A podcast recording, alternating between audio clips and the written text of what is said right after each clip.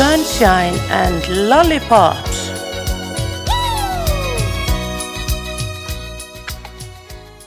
Já, góðan daginn.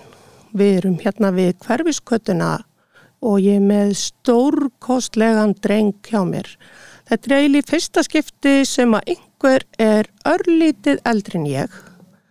Ég ætla að bjóða hann velkominn þið þekkja hann öll, hann er indislegur, hann er laglegur, skemmtilegur, músikalskur og ég veit ekki hvað og hvað. Jakob Fríman, verðu velkominn.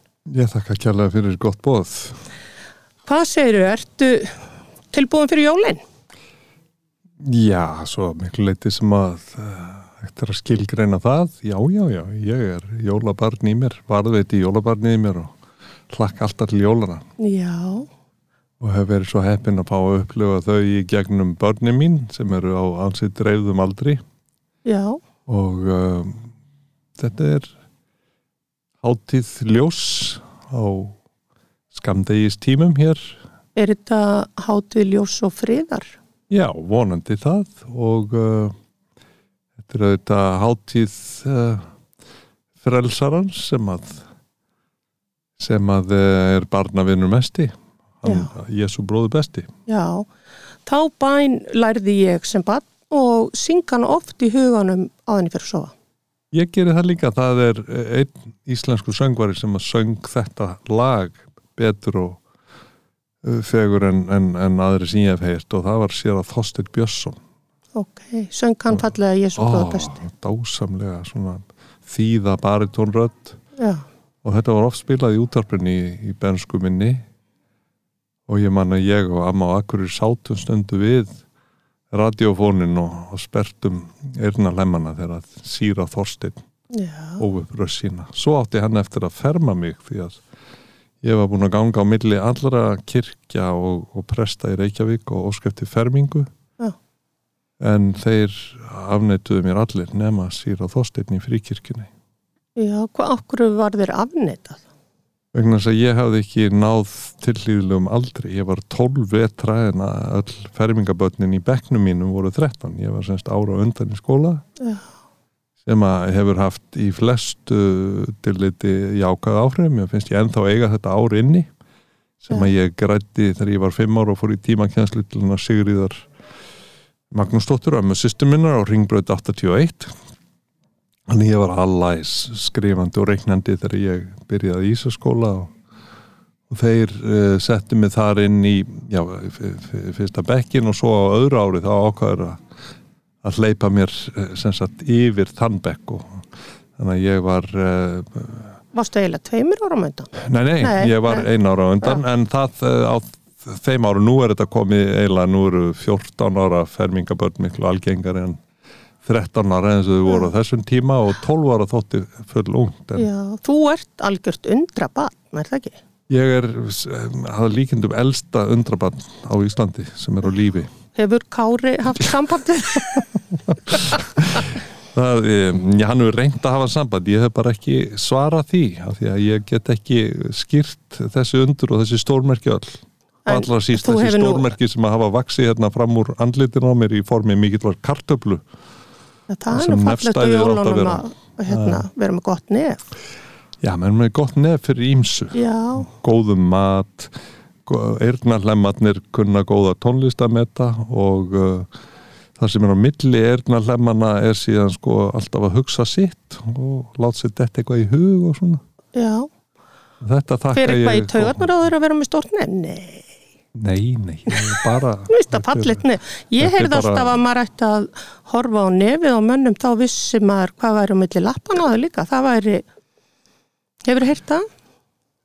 Ég hef ekki veldi fyrir mér en, en það sem að Þetta er við konur að spá í Já, já, ég spái bara í það að nefskinnið sé í lægi þannig að maður finni og það getur þefað uppi góða veitingastadi, góðan mat og, og mér, ég hef mikið indi af ilmi, góðum ilmi, Já. reykjelsum og, og besti ilmur sem er í bóði á Íslandi í dag er nú sér hannaður af íslenskum kollega mínum. Er? Jón Þór Birgisson. Jón Þór Birgisson. Þetta þekktu sem Jónsi Sigurós. Já. Hann kefti á sínum tíma hús eins íslenska bókmyndafélags í. Pissersundi. Já, og byrjaði því að setja þar inn stúdíó og eitt og annað en svo ásamt systurum sínum þeim Sigur Rósu Já. Sigur Rós og Lilji og Ingi Björgu sem er allar mjög listfengað þá settu þau upp hann að dásamlega veslun sem heitir Fisser og þar inni er til dæmis uh, sko ilmorgan svona gamalt harmoniumorgan með uh, ótrúlega mörgum svona essensum í glösum og þarna hefur hann blandað saman já, það er besta ylvat sem að ég finn já, Og- og, og svo eru ilmkerti og svo eru reykjelsi og sápur og allskins þarna. þetta er svona falda leindarmálið í miðborg já, Reykjavíkur ég verð að kíkja þangað að því að ég var að kaupa mér nýja lykt í, út í Mikado já, sem er bara við hliðin á sjáðu á hverfiskutinu. akkurat og svo er líka náttúrulega mjög gott að Madison ilmhús Já. við aðalstæti það eru alveg frábær En mamma mín notaði ekki orðið ilmvatn, hún sagði velliktandi. já, parfúm Já, mér fannst alltaf, mér finnst gaman að nota orðið, ó, ég ætla að fá mér nýtt velliktandi. já, já, og svo var uh, sko Þingvallarstæti 2 í já, af ömmu, þar var uh, inn á baði alltaf sko Kölnarvatn Já, Ódu Kolón, óti kolón. vatn Kölnar, hugsaði hvað er falleg Já. uh, hérna, lýsing á, á ilmvatni. Og það var svona ekki beinti, það sem að kallar ilmvatni eða velitandi, það var svona frískandi. Já, svona kannski menn settu þetta á sig eftir að þó þegið sér um hendurnar og það var svona uh, Kölnarvatni, ég sé þetta nú ekki lengur en þetta Nei. lítur að vera til. Þetta byggir á gamlum merk þýskum en hvað segirðu, hvað, hérna, hvað er fyrsta jólaminningi þín? Hún er í tjeðuhúsi, bara Já. mín allra fyrsta minning er úr þingvarlastæti 2, þar sem að ég, þangað sem ég flytt uh, eins á skamall, þegar fóldra mín er flyttja til New York, fæði minn uh, var ráðan til starfa þar Já, og af og amma fengu bara að hafa soninn sem þau hafði aldrei eignast. Ég, ég var uh, hafður þar meðan þau voru þarna, ég var hann fimm ára og það var bara dásamleg dvöl já, en auðvitað ekki sko beint í móður faðmi sem að auðvitað er svona kannski eðlilegasta já. Eh, Ég, ég veit að fólk hugsar mikið núna í dag, þú veist, það á ekki að skilja að barn og móður. Það er talað um það sko í ákveðnum uh, menningar heimum meðal hans hjá Indjónunum sko þegar barn fæðist þá eru liðin þrjú uh, meðgöngu skeið af fjórum. Fjórða skeiðið er barnis kvílir á, á, á hérna, bringu móður sinnar Já. og við brjóst hennar og ég held að sé nokkuð til í því ég held að sko snerting og, og, og svona innileiki og uh, að vera umvafin móðurlegum kærleika og, og svona knúsi eins og við Já. köllum sé alveg gríðarlega mikilvægt Já, og ég hvart ekki sko það var að, að maður var dásamleg eh, hérna, dásamlegur uppalandi. Fyrsta kona sem ég mann eftir og svo eina sem ég hef fengið að kveðja og leiða yfir móðurna miklu. Það var ógleymaleg upplifun. Og hún var eins indislega og hægt var að hugsa sér en hún var auðvitað alveg upp sko á þeim tímum þegar spænska vikin kom hérna. Já, og svo berglarnir og, og fyrarstríð og seinarstríð og allar þessar pestar þannig að hún var svo ábyrg að hún, hún vildi ekki til dæmis vera kjassa barni mikið af óta við það að það myndi, myndi smitast af einhverju já, veistu það, þannig að ég, ég er svona sko að horfa núna eh, var að fara í gegnum gömul albúm og meðal annars af fyrstu jólunum sem ég man það sem að var auðvitað að eru konar jólagjafir frá pappa mömmu að The Westan það sem Já. þau bjöggu og, og það hefur verið sendt föt sem reyndi svona alltaf stór reyndar og alltaf komisk en stór bánsi, svona pandabjörn sem var stærri en ég sjálfur. Svona gul, gulur og brútn í staðin fyrir svartur og hvítur. Ég átti hann alveg langt fram eftir aldri. En barnið er daldið svona alvarlegt á svipin það er svona daldið já, svona eh, eitthvað sem að vantaði upp á gleðina og heldur það að vera að þú varst að hugsa um mömmu og pappa? ég hugsa það sko. Já, og uh, svo mann ég að það eru til kvikmyndir frá þessum svona fyrstu árum uh, af Jakob Frímansson var sko það sem að kalla renisans maður hann gat allt, gerði allt. Hann var náttúrulega svonur uh, trésmiðs og húsasmiðs og, og var alltaf sjálfur með verstaði í kjallarum í þingvarsætinu og smíðaði innrettingar og smíðaði sitt eigið hús teiknaði sitt eigið hús og mörgönnur hús og akkurri mér er að segja, Reykjavík kom hann að hönnun, hann, hann hafði þetta mikla uh, rúm skinn og svona vita skinn mikill reikningsmaður, mikill tungumálamaður flugmaður að fljúa og kvikmyndatök og, og gerðarmaður. Þannig að hann tók á 16 mm vél eða dokumentaraði æsku okkar bara alveg frá því að, hann sá okkur fyrst og fram eftir árum aldri og var svo með klippitæki og, og Þetta er indislegt, það er ekki margir á þínum aldri sem eða svona. mjög, mjög dýrmætt efni. Þetta þykir svo sjálfsagt í dag sko. Já, taka bara með farsímanum eh, myndir af öllu fæðingunni og, og upp úr en, en þetta var mjög alltið sérstakt. Og þess vegna sko er, er dýrmætt að sjá sko þegar ég er sennilega bara nýkomin að það, þá hérna og í fyrstu heimsókn mömmu þá er ég þá er ég að berja hana. Mömmu já, og ég er reyður og svo mann ég sko þegar þau loksins komu heim þá var ég fonnimerður Já, ég man eftir því að sko ég var ég var ekki ánaður með þennan ráðahag sko þó að ég hefði notið besta mögulega allætis í þessu stóra fallega húsi. En myndirna sem ég er að skoða er lítið barn í reisastóru húsi. Eitt. Já, það er, ég tengi við þetta að því að mamma mín egnast fyrstu eða stelpinu sína í, septib, nei, í desember 1953 og svo skilur hún við þann mann og amma og afi heldur náttúrulega að þau verið að gera alltaf besta fyrir mm. barnið sem að þau tóku og elskuðu út á lífinu og sendu mömmu á hérna, húsmaraskóla til Danmörkur. Sóru, Ah, já, ég, ég man ekki hvað það heitir móður ég, fór á Sóru og Já. það var nú ekkit smá hérna uppeldi sem hún fekk þar og mentun í, Já. hún var sko fyrirmyndar húsfreyja, það var allt upp á tíu allt, hún málaði eigin postulín, Já, lærði og mamma að fór í líka.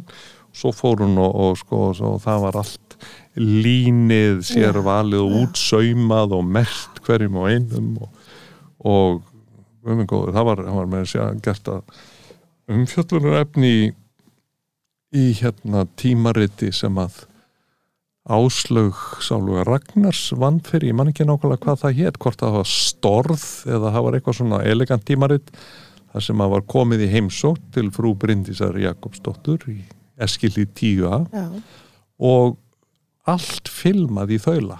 Alveg borðbúnaðurinn og upp á dekkað veisluborðið og kökurnar sem hún bakaði og skreitti maturinn. Rísala mann. Rísala mann. Já, með sko marsipanfylltum sveskjum ofan á því sem að var sko fyrst hrísgrjóna og rjóma eh, grunnur. Já, og svo komu sveskju mauk þar á milli og svo léttist aðeins á því og var meira rjómalega og svo ofan á því voru þessar skreittu sveskju með marsipan inni. Í, og svo voru sem sagt eh, mörbrað, já, það voru, það voru besti parturinn af, af nautinu já, sem að var svona sunnudagsmaturinn gjarnan og þá með sérstaklega leiða jólum, rísla mand og svoleiðis. En semst fyrstu minningarnir af jólum er úr þingvarlasætti 2 og þá var bersinlega búið að kalla í fullt af krökkum, þarna voru börnina sér að Pétur Sigurgjerssonar sem að var nú sennilega nánasti vinur af og ömmu, hann sér að Pétur og frú Solveig, hún var alltaf kalluð frú Solveig, indisleg hjón. Þau áttu þrjár dætur uh, Solveigu Kristínu og Guðrún og svo sonin Pétur sem er Guðfræðingur og ég held sambandi við í dag þau voru þarna í þessu fyrsta jólabóði síman eftir. Og svo voru uh, börninas uh, Inga Hansen sem að þar var nú Rut sem að var síðan bartfóstra mín og bróðir hennar sem var jafnaldri minn Ívar. Og hann var uh, frægur á þessum tíma. Hann mynd af honum pritti lokið á misingsdósunum hugsaðir Já, gast þú borða missing? já, Fannst það gott? já Mér finnst það rosalega vond. ég var náttúrulega alin upp í yðnaðarbænum Akureyri þar sem allt yðaði Af yðnaði og já, já það voru þessu ótrúlega mikil orka og mikil svona framkvæmda gleði í öllu Náttúrulega það sem við kallum listagilið í dag og listasafn Íslands var mjölkursamlægið þar var skýrið og þar var mesan og þar var mesingurinn og, og all, all, all þessi ólíku pródútt uh, sogaði að kerfa mjölkurkunna Já. og síðan þar beint að móti þar var einhver svona góstrykja framleiðsla ef ég mann rétt þarna var jolli og Var, kóla var og mýranda? nei það var, það var hérna sana ég held ég fari rétt með það að það hafi verið sem sagt uh, það var í gangi samkeppni við reikvísku rófas framleiðendurna og ég gleymi aldrei þegar að það var bundið um augu okkar sískina mín og Borgildar systur sálugu sem þreymar árum yngra ég og við látin bergja á rópvatni með appisínubræði tveimur glossum, annars vegar frá Flóru Já. sem var akuriska rópvassfabrikan og hins vegar frá Ölgerð Egil's Skallagrímssonar sem Og hvort var betra? Í báðum tilfellum þá bragðaðist akuriski akuriska rópvatnið betur Í alvöru. En mannst eftir mýranda? já, það höfðaði aldrei til mín Er það ekki? Nei, ég og sem betur fer segja, ég, ég hef ólíkt mörgum sem að eh, samferðamönnum sem að ánetjúðust gósi og alltaf að lepja ég, bara, gós er ekki hluti á mínum mínu lífi, hefur í rauninni aldrei verið Nei. og ég veit að bara að, að það er þá þeimun minni sigur í mínum kerfum Já. og sigur er sennilega stærsta fíkni efna vandamál heimsins Já. og, og, og, og stærsta ógun við líðhelsu hér sem annar staðar er núna náttúrulega, sér maður bara inn á heimilum, það er alltaf til eitthvað gósin í ískap.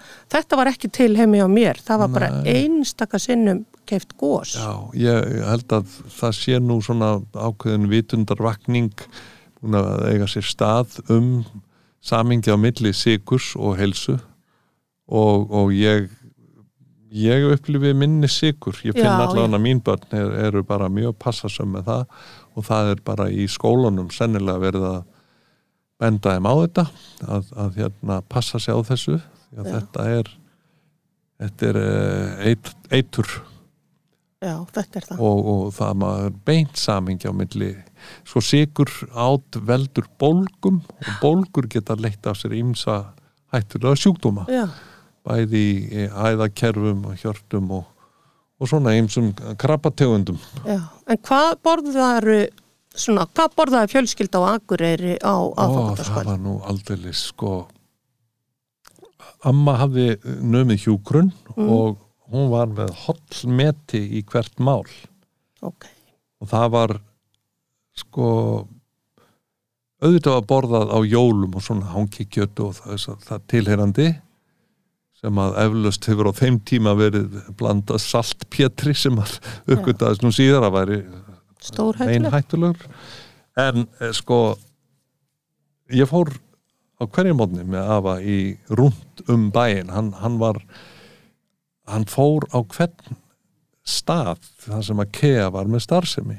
Byrjaði henni á Bryggju, fór í reistuhúsi síðan og svo í kjötvinnslustöðun og svo í olíufélagi, hitti mennina sem að voru að draga uh, fisk úr sjó og svo fór hann í, í mjölkursamlægið og hitti Jónas Kristjánsson á haug í fristuhúsinu og, og alla þessa líkil menn á líkil stöðum heilsaði öllum, spjallaði við starfsmenn svo var farið í alla nýlöndu vöru veslanundnar, herraföta veslununa og byggingavöru veslununa og þetta. Og þetta var cirka svona tveggja tíma túr á mótnana og sem ég fekk að fylgja honum í, alveg uh, út í eitt. Og svo var komið heim, hálf nýju og þá var amma búin að gera tilbúið. Þá var nýkrestur glóaldin safi Mm. ég nota þetta orð mér til skemmtuna þegar ég panta mér óranstjús þá spyrum geti ég fengið glóaldin safa og þá segja, hvað, hvað, hvað áttu við?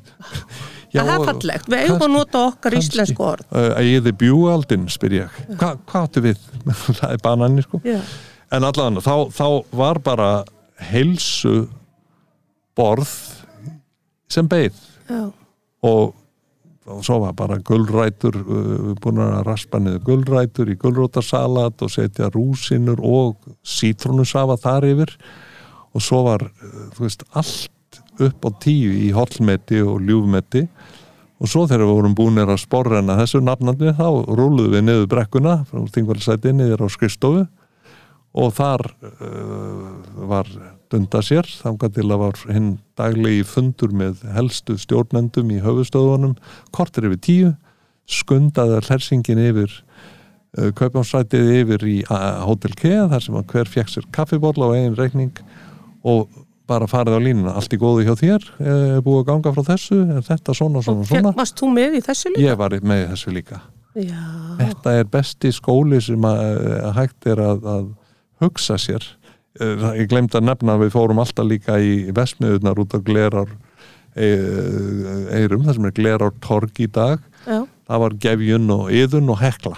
Já, og þar voru spuna rokkarnir alveg sko yðandi og suðandi og, og verið að búa, búa sko hérna ull, ullar lagaðarnir voru þarna og það var verið að búa til úlpur og skó og, og teppi og hvaðina Þetta er örgulega algjörlega ómetalegt fyrir börn að fá að vera bara svona með.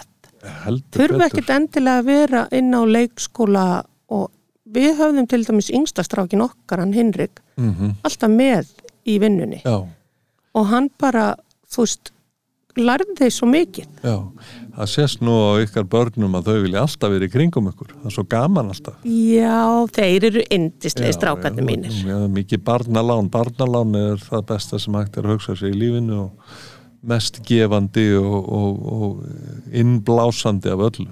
Já, mér finnst rosalega gaman að vera stráka mamma, eiga bara stráka, þú veist, ég, ég er stelpupappi, ég er bara stelpur átt bara stelpur og ég já, stráka. já. Við höfum nú lagt okkur fram við að fjölga mannkinninu og skiljum eftir okkur glæsi fólk, myndur ekki segja það? Já, ég segja að það er uh, það eru þeir minnisvarðar sem að lengst munu halda nöfnum okkar á lofti Og það er bara það sem skiptir máli. og uh, það að sjá í sjálfum uh, í bönnunum sínum sjálfan sig og, og forfeður sína, sjá hvernig hvað erfist og Já. gengur í ættir svona og það er mjög skemmtilegt og áhugavert. Já, það er mjög gaman. Ég var til dæmis, við vorum að laga til í geimslunni hér og þá fundum við kassa fullan af myndum og fullt af myndum af pappa mínum sem þú vektir, hann Bjössi Blásari. Og því líki fýblagangurinn sem að var alltaf í gangi þegar ég var barn Já, að þarna kemur mynd þar sem við erum að flytja og ég er 18 ára Já. og pappi er í einhverjum síðum nærbuksum og ég var búin að setja hárkollu sem mamma átti, hengja hana utan að þannig að það lá svona hárkolla yfir klófin á honum og svo var hann með rústneiska loðhúu, svona var hann pappi heilan dag. já, já. Það er ekki skrítið þó ég sé hálf byllu á köflum að fá svona uppeldi. Svo fóru þessi pappar í jólasveina búningasum Já, pappi minn gerði það voru alltaf. voru með skemmt atriði á aðfangtaskvöld þá heimsóttu alltaf föðusystu mína Já, já, sem var hildsala frú út á Nesi já, já. og þar var makkitós í öllum skálum og Já, pappi minn var jólasveit Já. og spilaði á tromp, nei hann spilaði á jólalögin Já, meðan við löpum í kringu jóldrið já, já, ég átti svona sko, þegar við síðan þegar fóldrar mín voru fluttir heim og við flytjum til Reykjavíkur.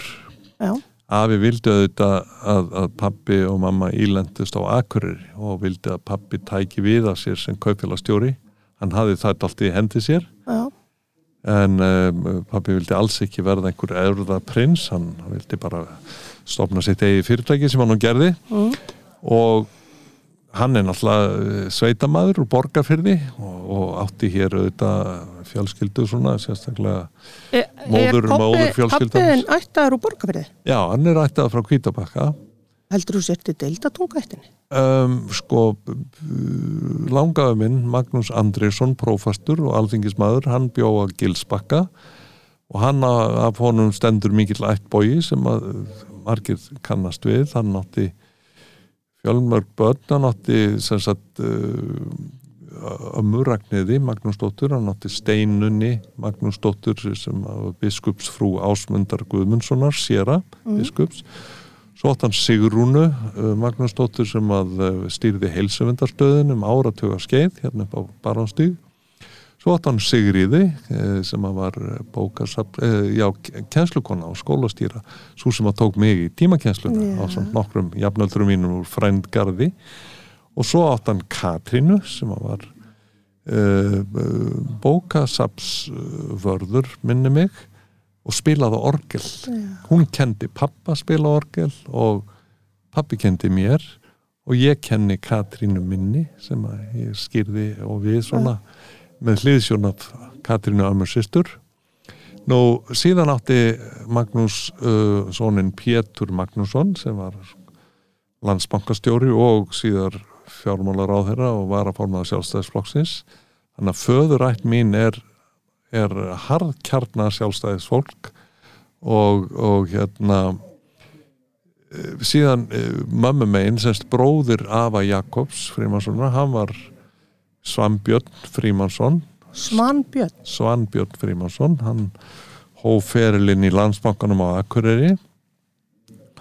Og svo, tók við þar Ólafur Tórarensen sem var giftur Marju systur þeirra, Svambjörns og Jakobs.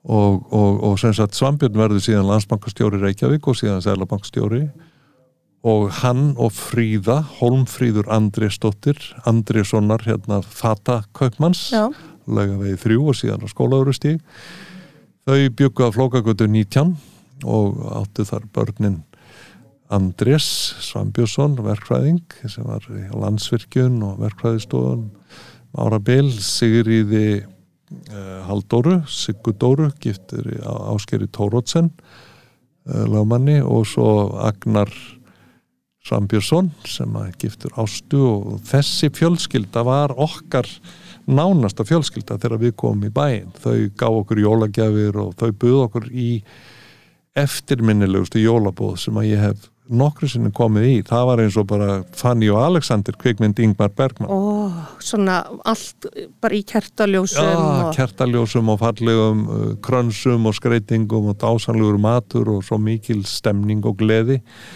þau voru efri hæðin á flokkugut og svo þar fyrir ofan var ris og þar voru krakkarnir Að leika. sko, að leika þanga til bóðað ringt var inn í júlefrúkosten og þetta voru alveg ólýsanlega uh, falleg og skemmtileg bóð Svona dreymdi mig alltaf um að ég myndi vakna á aðfangadag Já.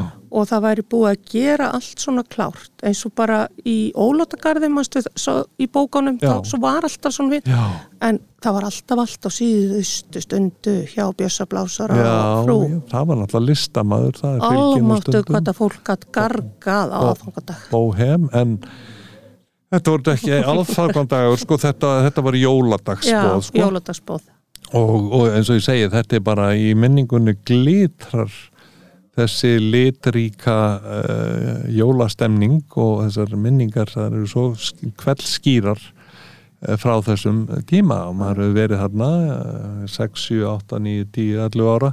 Það var ár eftir ár. Í sparfjötunum alltaf í skarta sínu fínasta og við byggum þarna skamt frá í Eskilíð þannig að við gengum þetta fram og tilbaka og, og komum full til lökunar og gengum svo tilbaka full uh, sæl og þakklættis Já.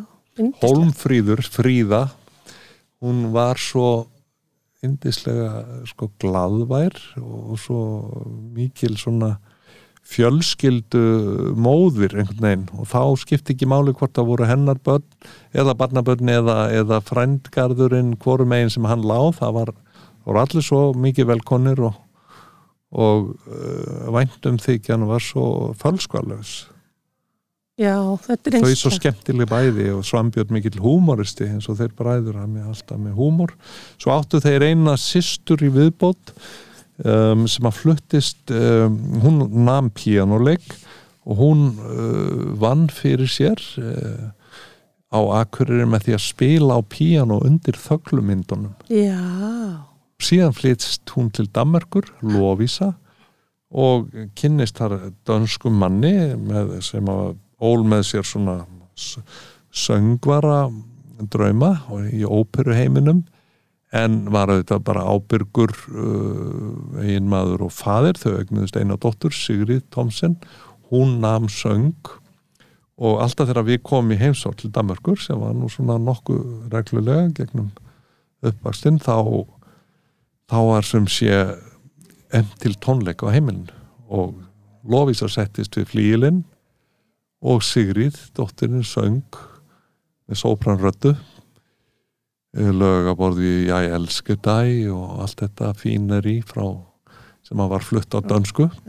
Það er Og- ekki skrítið að þú sért allir á kafi tónlist. Þetta hefur bara verið enda laust. Já sko fóldrar mínu voru bæði mjög virk í músík. Faður minn hafði líst því sko nokkur sinnum fyrir okkur þegar hann fekk bara gæsa húð og upplifun sterkari en nokkur sinni. Hann hafði farið með föðu sinnum þess að afa Guðmundi Jónssoni hann var prófdómari á Kvanneri í bendaskólanum þar hjá skólastjórunum Guðmundi Jónssoni alnafna sínum sem var fadir Áskers Guðmundssonar námsstjóra síðar hér og skólastjóri líðaskóla og, og þar voru kátir félagar söng hópurinn sem að sér að Friðrik stofnaði þeir Ok. voru að syngja fjölrattað á Kvanneri og pappi hefði aldrei hýrt eða séð svona áður og þetta var sennilega bara sambarlega upplifun og þegar maður heyrði í bílánum fyrst eða, eða hljómum, það var bara gæsáð og hann vissi þar og þá, það var held ég 12 ára eða 14 að hann ætlaði að fara til Reykjavíkur og ganga til liðs við þennan kór sem að síðan var rann sama við kalla kórin fósbræður og pappi var í þeim kór allar tíð og hann var með semst organnámi frá Katrínu og fleirum, hann var nú bæ, bætti nú við sig. Og hann söng náttúrulega með fósbræðurum og söng stundum einsöng og, og, og meðan hann var í Danmörku hérna, áður en ég fættist og kringu það þá var Stefán Íslandi óperusöngvari starfandi við konunglegu óperuna í Kaupanöðum mm og hann lagði mjög hart að pappa að leggja fyrir sér söng. já, sem sagt að fara bara í cirka eins árs söngnám og síðan gatt hann bara garantera það að hann fengi ráðningu í konunglu óperunu því að hann sagði eins og ymsir fleiri að hann væri með fallugustu söngur á Íslandi Þá hefðu kannski bara pappi minn og pappi þinn verið saman í Danmarku að því pappi spilaði líka á trompet hjá konunglu og lærði þið þar í Kaupanöfn. Já, hérna, Já. sjáðu hvernig þræðin liggja Þeir liggja nefnilega víða. Já, já, Þú bjóst í Eskilíð, amma mín bjó í Eskilíð númer hvað? 16a. Já, já, nú býr sýstu dóttir mín, Jóhanna María Gísladóttir þar, Já, nákvæmlega í þeirri blokk. Í 16. Já, Já, en við höfum líka annað sammeðilegt sem að mér langar að ræða við þig að við höfum mist sískinni já, og mér finnst oft þegar kemur að þessum tíma, já, jólunum, já, að því að við, ég og bróður minn ólust tvö upp saman og hálfsýstu mín hjá ömmu afa. mhm, Mér finnst þetta mjög erfitt stundum hvað ég sakna bróður minns. já, það get ég tekið undir. Það er eh, sennilega mun erfiðar að missa sískinni heldur en já, foreldra. Já, og fólk gerir sér ekki grein fyrir því hvað sískinamissir er mikill og mér finnst hann oft vanmetin Já, að því maður fer í hlutverk þegar maður missir sískinni Já. að í mínu tilfelli hugga foreldra og Já. eftirlifandi ekki og börn jú, jú, en setur sína sorg á hold og svo þegar að koma upp svona tímabili eins og jólinn og svona þá finnst mér ég oft sakna bróðum mis, ansi Já. mikið Ég þekki þá tilfinningu mjög vel Já, þannig að maður á að njóta þess meðan maður hefur. Já, Voru þið sískinin góð við hvort annað á jólunum? Já, já, já, við vorum bestu vinnir, við vorum þetta eins og gengur eh, í æsku og uppvexti.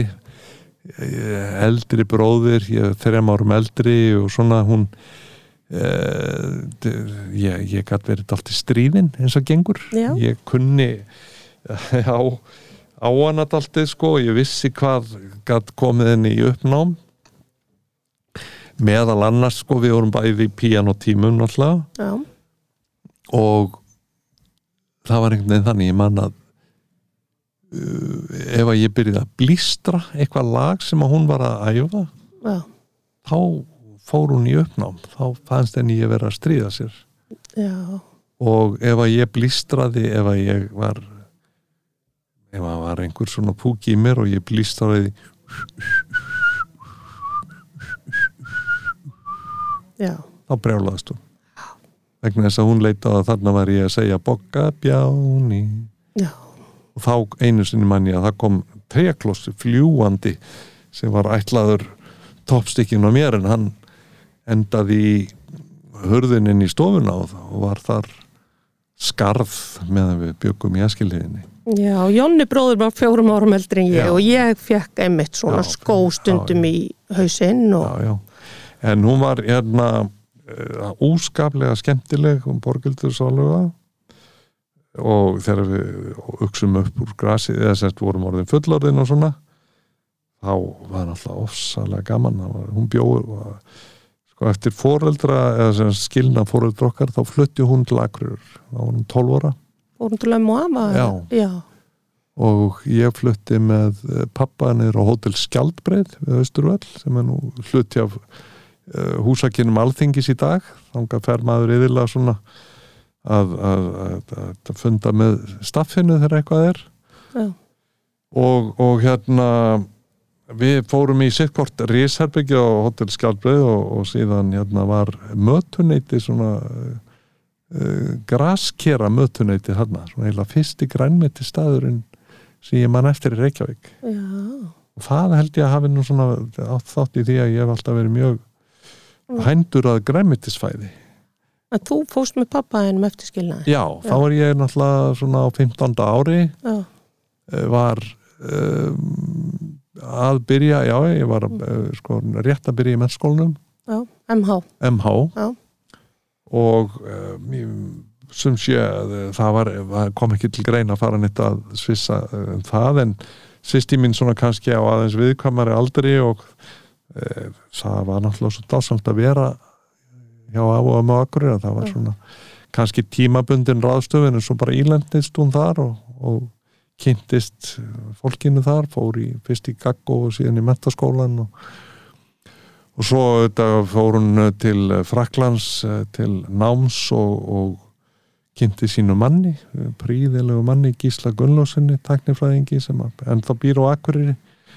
Og svo eftir að ég hafði svona þegar, af og amma voru orðin mjög fullorðin það stemdi í það að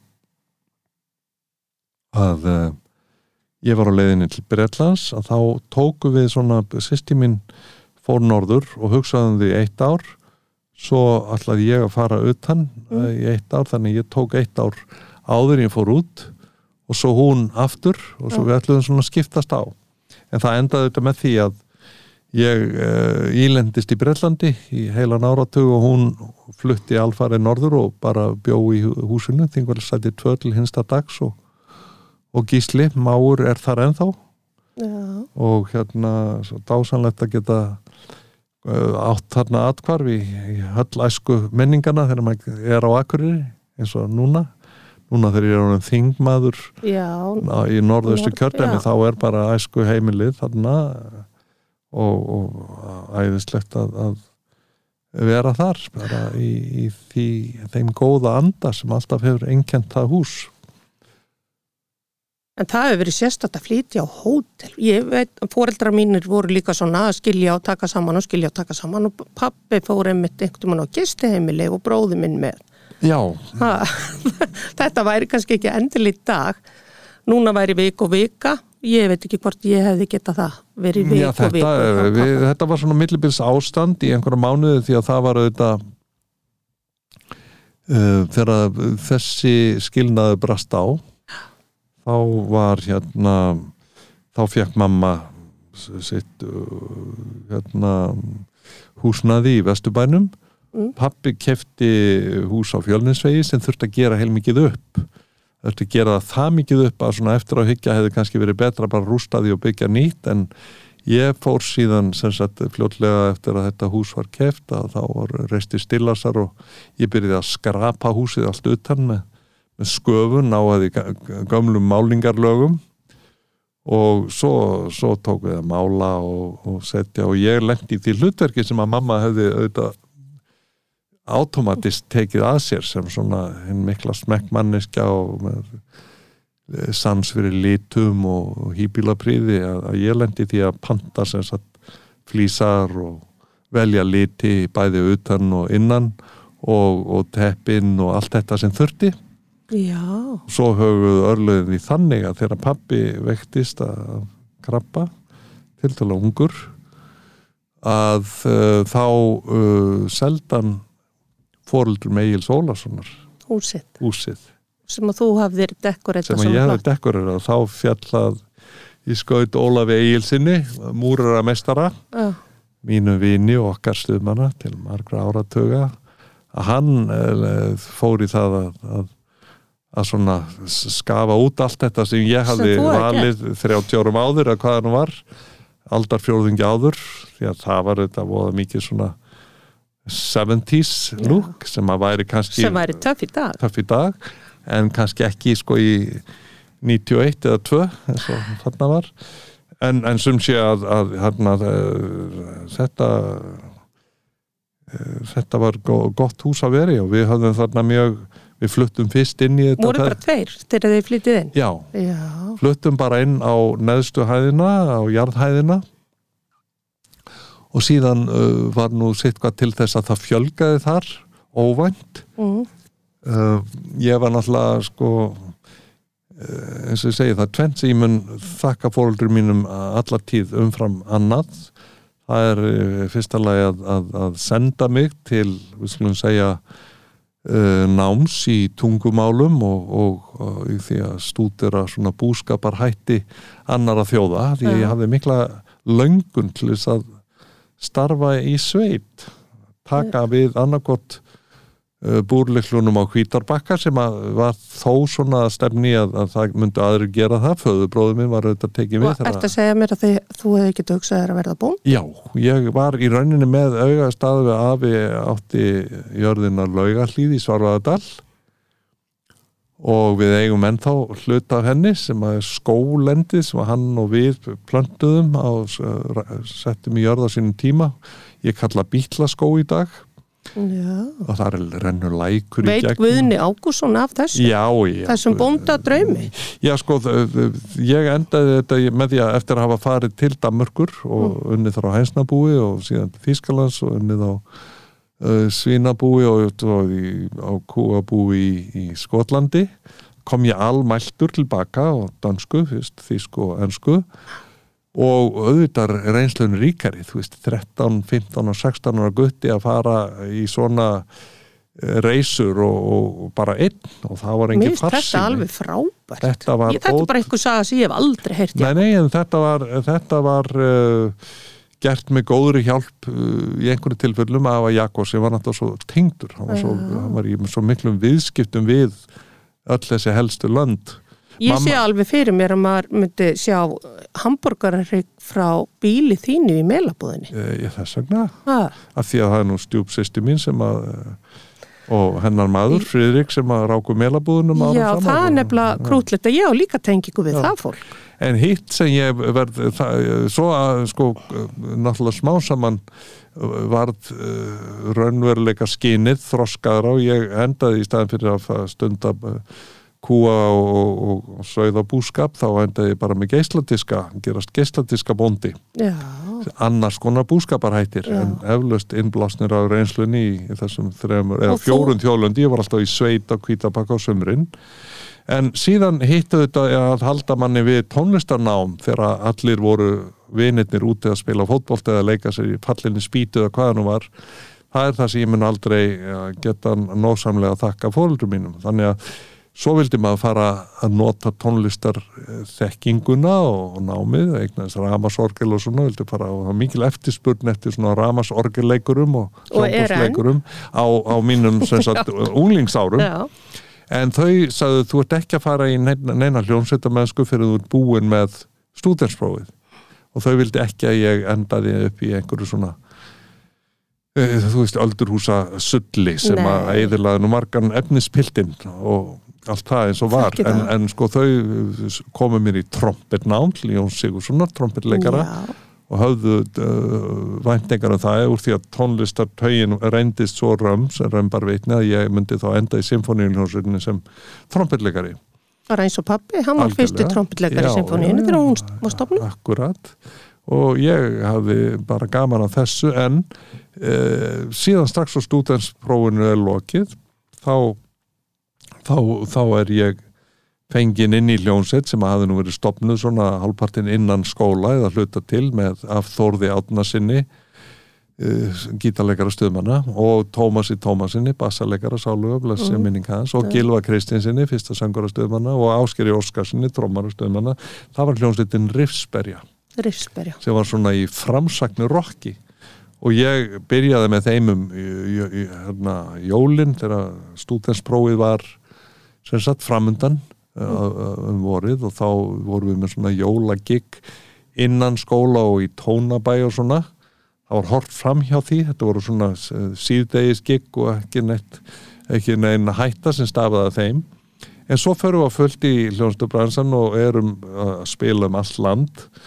Þarna árið sem að ég er student og, og, og, og þá er það þannig bara í janúar minni mig 73 að við erum að spila og einmitt í tónabæja og stóru ekki þar með sérstakann gestaspilara sem að við höfum bóðið til okkar uh, gamlu ídóli okkar og fyrirmynd Sigurður Rúnar Jónssoni Ditta já. hann hafði þá verið flust til Vestmanneja Mm. og, og gert þar uh, góða hluti og kendi og, og bjó í fínu húsi og, og undi sér vel á samt áskerði Ólafsdóttur konu sinni sýstur Guðjóns Ólafssonar fyrir um forstjóra Sís blessi minning hans og síni þeirra Ólafi Kjartani Sigur sinni Já. sem er náttúrulega óperu stjarna Já.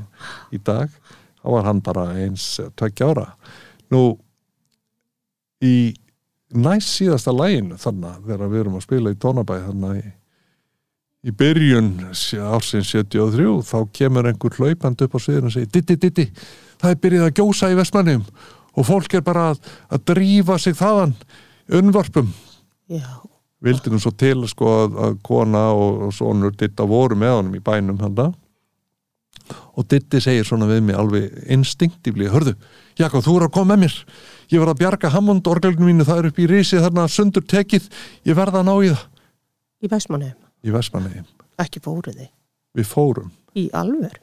beint brunuðum við til Þorlarsarnar fengum einhvern uh, fisk uh, einhvern uh, Bát. bát sem að fiskibát og eigandinn fjálst á svona með semingi að, að, að koma okkur til eiga í þessum tilgangi Ditti var þá búin að ringi einhvern mann sem átti traktor með kerru sem að beigð okkar hann á Hafnabakkanum og að sjá sko gósið uh, sko, þegar við vorum að nálgast eigirnar algjörlega ógleymanlegt. Og svo brunum við á traktornum hérna uppbyttir í áttin á húsinu. Og þá var það bara að hverfa eh, það var vikur bara og, og, og það, eina leiðin til að komast inn ég var að skrýða upp á þakið og komast inn um þaklukka og þar byrjaði ég að týna uh, lausamuni og, og lampa og, og öll stikkin og innvolsi úr Hammondorgelina stitta sem var sem kallaði Motivate, hann var búin Modified, breytt, hann var búin að breyta hann svo mikil já. radiosnillingur og svona raf uh, tæknin lék svo í höndunum á honum. Hann gæti látið Hammondorgeli hljóma eins og klarinett til dæmis og ímislegt fleira. Algjör meistari. Og ég vissi hversu mikilvægt þetta var fyrir hann og, og, og þannig að, að, að, að þetta var hugssjónastarf og ég týni hann er með poka og týnir allt onni í pokan og svo hendi ég og hann onni líka einhverju svona bara einhverju lampa hér og einhverju mun þarna. Og svo bara uh, vippa ég mér upp um það gluggan og, og hleyp niður bingin, hérna vikur bingin og niður á traktor og niður, í, niður á bryggju. Og svo bara silt aftur tilbaka til Þorláksvagnar og þá verður nú ditti aðeins svona meir þegar hann já. horfir á um öxl og svona nú há ég hvergi heima nú eigum við áskerður og Ólafur Lilli hvergi heima. Húsið okkar horfið. Og þá er ég fljótur til að segja höfði þið komum bara að búi hjá okkur pappa Í alvöru? og það var nú ekkert verið að ringja neitt í, Nei. í Magnús Blessaðan Guðmundsson. Það Nei. var engin, engin, engin búnaður til þess, það var engin farsímar en ég tilkynnti það bara morgun eftir pappi tók þessu bara mjög vel. Já, og ólíkari menn hafa nú sennilega ekki verið í, í, í náinu sambúð. Hérna, Ditti var mjög heitfengur og var hérna berað ofan. Já, og pappi er alltaf svona eins og breskur lávarður í tauginu. Snirri mennskan á allt í er eiginlega já ég man eftir hún pappa Já. hennum og opbúslega glæsileg maður dásanlegur og, og, og náttúrulega einhver besti maður sem ég hef nokkru sinni kynst og, og hérna hann sagði ekkit sko þetta var bara svona og svo bættist náttúrulega þegar við vorum orðin við vorum ekki lengur tveir, heldur fimm í heimili mm. þá kom nú amma Ragnheður bara í bæinn og tók við búrliklónum á fjallins og átta og byrjaði bara að elda onni okkur öll Í, Þetta er falleg saga og, og hérna varð mjög hænd að Ólafi litla barninu og Já. bara var svona eins og amma þess og, og svo e, brast nú á með allt í skringilegum hlutum því að við hafðum sko Áskir Óskarsson hafði verið eh, drefin til Svíþjóðar á fóröldur sinum að læra þar plötu smíði og þá ekki hljómplötu smíði heldur rafsuðu svona Já, einhverja vinslu og uh, þar með fengum við annan trommuleikar frá Bretlandi sem að gatt spila svona, við getum sagt, flókin bít þetta voru 7, 8 og 5, 4 og svona skringileg bít sem að voru ekki á, á færi Allra. venjulegra sko trommara. Þannig að við fengum eh, flottan breskan trommara sem hafði verið með Mike Oldfield og Arthur Brown og hinum á þessum, Dave Dufort. Og við vorum búin að æfa með honum vel, gott prógram. En þá kemur kæra frá íslenskum trommuleikara sem taldi að framhjá sér hefði verið gengið. Og hann fekk FIH félag íslenskar hljóðfærileikara sem var stopnað upp að standa vörðum um störfin, hljófarleika já, já, störfin að væri ekki eintómir útlendingar að taka hótelborgargiggin og hvað hann var sem að var í bóði og nöstið og svona. Þannig að það með atfylgi FIH var uh, Dave Dufort vísaður landi. Það var ekki með atvinnuleifi þetta var fyrir EES-samningin fjórfrelsi allt saman. Og hann segir við erum búin að æfa þetta stórkoslegt prógram og frábær hljómsveit sem hún reyndar var. Mm. Ég get bara út af fullt af geggum í Brellandi, komið bara með mér. Og við áttum ekki margra annar kost á völ, það var engin annar trommuleikar á Íslandi sem að gatt gengið inn í þetta hlutverk. Þannig að við kaupum okkur farmiða til Brellands og erum bara, það er búið að bóka einhver gig en þá kemur á daginn að Gilvi hafði fallið í frönsku og fóreldrar hans hleyft honum ekki burt fyrir hann væri búið með stúdentfróði í frönsku. Þannig að það dróst nú all verulega hann kæmi og við vorum eiginlega bara á hálfgjörnum vergangið þarna eh, fyrstu mánuði, þá getur að við fundum okkar leið hver og einn svona. En hljónsettin í rauninni eh, henni var, hún var sett á ís þá til að hún svona tók að gera stuðmannaplöturnar en allavega þá í rauninni var ég flógin Mm. en Ditti Fyðla og, og fjölskylda ásand ömmu, Matt Selju og bústýru og pappa þau voru þarna áfram í eitthvað hálft ár eftir að ég var farin og bara í í, í góðum hippa feeling. Já, þetta er geggja þetta er bara alveg frábært. Svona getur lífið verið. Það er bara allt í maður komin á okkur allt annan stað og fyrir að gera eitthvað allt annað. Já, já. Og það, þetta var upphæðið að aldar fjórðungs útlegðu minni, getur við sagt sko, Já. að ég lendi allskins og ótrúlum æfintýru þegar ég var góðan til Bretlands og, og svo færðist það yfir til Bandaríkjana og, og, og, og þetta þetta var bara eins og það átti að verða held ég. Þetta er skrifað í skíin stundum fyrir okkur. Stundum finnst manni það Já, að það sé allt einhvern veginn svona í einhverjum einhverju svona til eh, þú veist, af hverju lendur maður þarna og það er, sko, forritunin er já, sko, ég hef upplifað það það er sagt við mig Jakob, menn, þú ert á leiðin til Indlands. Ég segi neinin, ég er ekkert að leiðin til Indlands. Jú, jú, þú ert að fara til Indlandsvinnun þú ert að taka feil, segi ég sannaði til, þú ert að leiðin til Indlands og svo líða nokkru dagar þá búið að bjóða manni til Indlands algjörlega óvænt Já. allt annari átt á þess að nokkur hefði getað séð það fyrir að vita þannig að Fyrir 29 árum síðan þá ætlaði ég að flytja til New York. Fóreldra mínir ætluði að taka bjössa og bara hafa hann hjá sér og ég ætlaði að fara að læra á banjó. það hefði nú verið gaman. Já, nema rétt fyrir jól.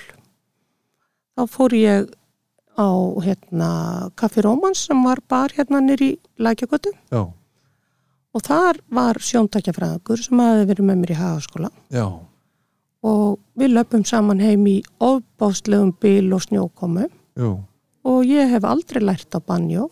Nei. En sjóntakjafræðingurinn fór aldrei aftur heim. hann sjóntækja fræðingurinn hefur náðað skerpa þér sín Já, með sínum uh, sinni sérþekkingu og séð að þú erður betur sett hér banjólaus í, á, á föðurlandinu heldur en með banjó í fanginu í, í. Guðseina landi Ég hef oft hugsað um þetta hvað hefði gerst ef ég hefði orðið banjóleikari. Allir ég myndi vera bara í einhverju svona línudansi einhver staðar. En ég þá geti glatti með því að, að þú ert nú hefur reynst að var farsæl í lífi og starfi og, og það að hitta þennan sjóntækja fræðing var, var hérna Skrifaði skíin. dulbúin gæfa og, og það er aldrei á sent að hefja banjónám Já, þekkir einhvern sem gæti kent mér á já, banjó. Björn Tórótsen, hann, hann getur spilað banjó. Ég, sko það eru til svona sexstrengja banjó og, En sko ég kann ekki eins og að spila gítar. nei, nei, en, en, En- þetta er tildöla uh, fljótgert. Mér Ég veit finnst ekki, sko, banjó ég- svolítið skemmtilegt hljóðfæri. ráðskemmtilegt, ukulele er líka ráðskemmtilegt og, og það er uh, það er tiltöla fljótlegt og einfalt að læra ukulele, fjórir strengir og allt þetta og þú læri bara gripin eitt af öðru þetta eru, eru nokkur grip tekur eitt grip á dag og þjálfar því í því og Kanski spila ég bara á banjó í sextu samvalinu. ég get, ég get séð það fyrir mér og heyrt? Anna Björs á banjó Anna Björns, banjóleikari, Já. allir að spila. og, og, og syngja og leika Já. Lag um sjálfa sig, eftir sjálfa sig Já. Það var nú gaman hjá okkur á ballinu, sjáðu ballinu, fannst þið ekki? þetta var nú einn af hápunktum aldarinnar Já. Þetta Og- finnst mér skemmtilegt að gera. svo, svo veldur hver áheldur það er nú sko hægt að efna til fagnaða ammalis fagnaða sjóntækjafræðinga í bland við uh, ammali um, glerugna veslana og klúður á því gjörsanlega Já. Eða láta það takast með þeim ágættum sem að þarna sannaði sig og syndi það var, er bara og ég held að það er engin verslun í Reykjavík sem hefur stunda jafn, eh, lengi, jafn markvist og farsælt menningar og listastarf eins og sjáðu við hverfiskötu það, það blasir við. Það er engin sem að hefur fundið það hjá sem í jafn sterkum hætti og dóttir trompetleikarans og góðbói nei. En þetta urðu við að samina.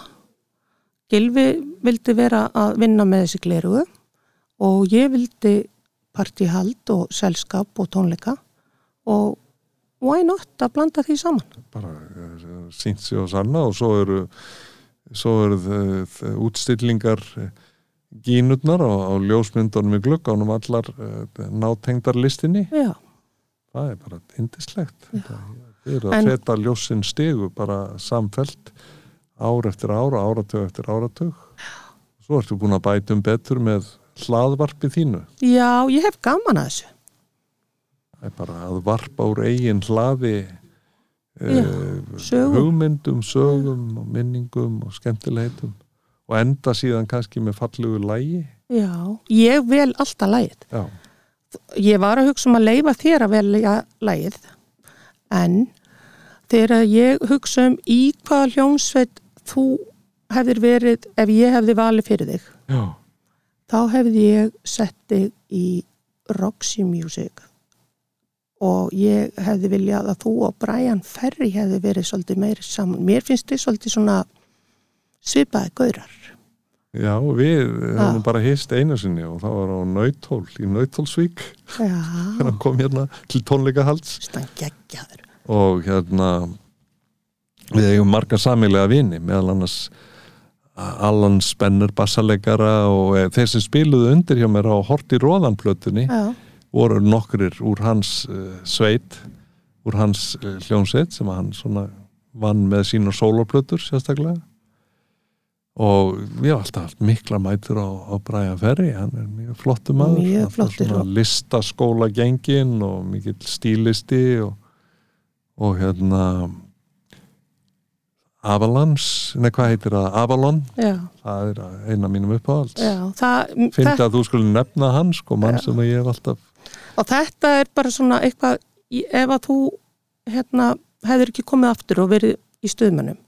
Þá held ég að þú hefði verið með Brian Ferry. Já, og hérna það voru margir sem að sagðu þú veist hvar hefur fundið fyrir fóruldriðinum þú veist í kirkjum eða bróðiðinum að hann, Brian Ferry var með geggjaða tónleika í hörpu. Já. Og tvisasinnum, ég fór tvisasinnum og Uh, fyrri tónleikarnir sem hann var með í hörpu ég grét allan tíma af því þarna fann ég fyrir fóröldur mínum og bróðum mínum þarna var ég með mínu fólki og sá fyrir mér, hann var með geggjaði skvísur á trommusöttanum ég held að það hafi verið tvö eða þrjú trommusött eða eitthvað En byrju eftir að tala um hann hafi komið í tvígang til landsins. Já. Já, ég bara hitt hann í þetta einanskipti. Ég held að það hefði verið í fyrsta skipti sem hann hefði komið hérna. Það er svona kannski tíu ár síðan. já, það, já, en hérna eigum við ekki bara enda þetta og hann áskell setur lagið sem að ég valdi fyrir þig Já, það verið gaman að heyra eh, hvaða lag það væri. Já, þú hlustar og þá fattaru. En gleðileg jól Gleðli jól og og takk kærlega og gangir vel sem þingmaður. takk kærlega fyrir. Ég þakka fyrir bóðið. að fá þig. Takk fyrir. Ok, bye. Bless.